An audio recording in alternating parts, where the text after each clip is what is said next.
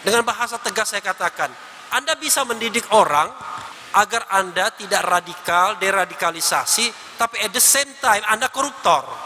Nggak bisa. Nggak bisa. Bagaimana mungkin kalau para pemimpin korupsi, lalu kemudian mengatakan kelompok masyarakat, hei kamu jangan radikal dan lain sebagainya. Saya sedih ketika negara tidak melihat korupsi sebagai suatu masalah akut di republik ini.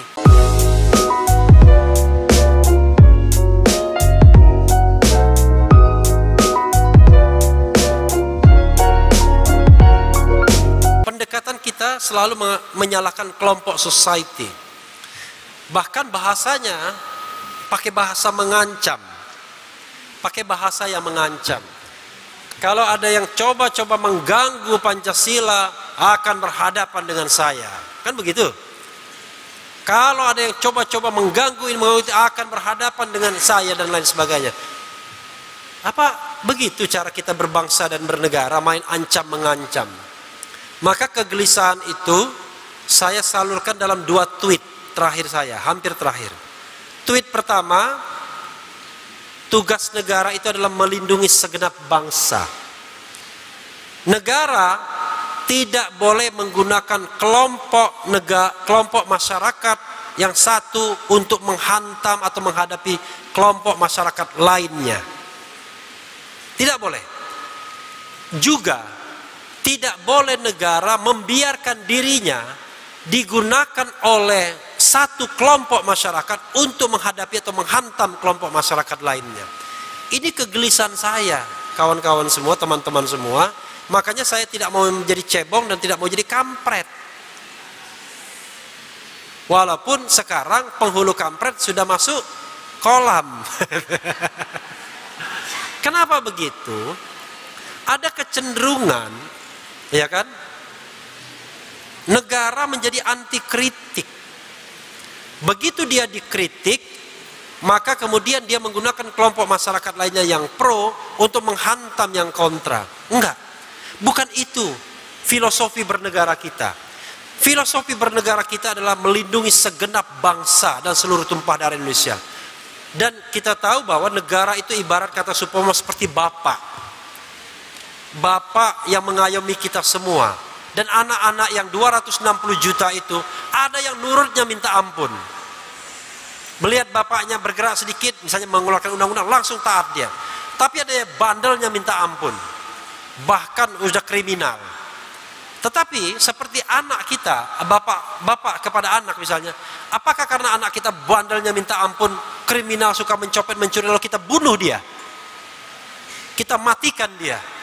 Kan tidak begitu cara berpikirnya cara berpikirnya itu kita dengan kasih.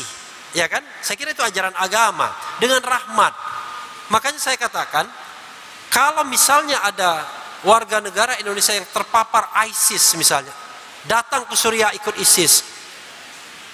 Bukan kemudian negara mengentertain keinginan kelompok masyarakat lainnya agar orang itu diusir dari negara Indonesia. Bukan begitu cara bernegara. Itu cara yang keliru menurut saya. Yang benar adalah ambil dia, selamatkan dia agar dia tidak terbunuh percuma nyawanya karena dia adalah warga negara Republik Indonesia yang berhak atas perlindungan negara. Mungkin dia salah, tetapi cara negara memperlakukan tidak boleh apalagi mencabut kewarganegaraannya yang membuat dia jadi stateless.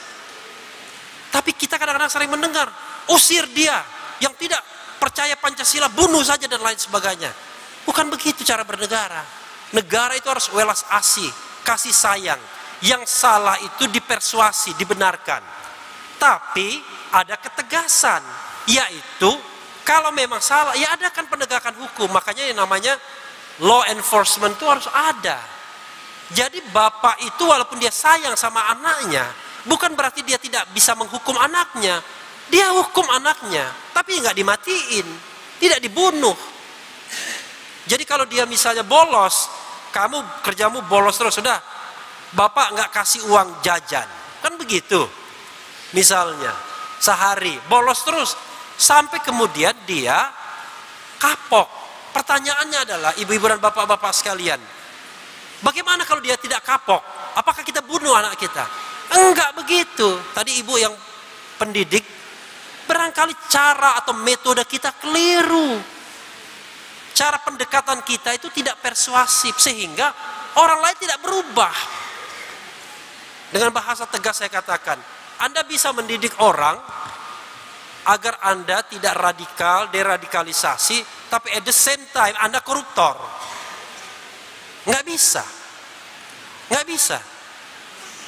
Bagaimana mungkin kalau para pemimpin korupsi lalu kemudian mengatakan kelompok masyarakat, hei kamu jangan radikal dan lain sebagainya. Tapi the same time, at the same time pada waktu yang bersamaan dia tunjukkan kemewahannya. Mobil pribadinya, coba tunjukkan ke saya, ada nggak pemimpin-pemimpin yang miskin di republik ini? Semuanya pamer kekayaan, hengki-pengki dalam bisnis. Lalu kemudian kelompok kecil masyarakat di blame, disalahkan terus-menerus sebagai virus-virus yang mengapa, merontokkan negara ini. Makanya saya katakan saya sedih ketika negara tidak melihat korupsi sebagai suatu masalah akut di republik ini. Kira-kira begitu. Ah itu marahnya Refli Harun kan begitu. Sobat RH sekalian, itulah tadi penggalan ceramah saya di Universitas Flores ND Nusa Tenggara Timur tahun lalu bulan Oktober tanggal 26.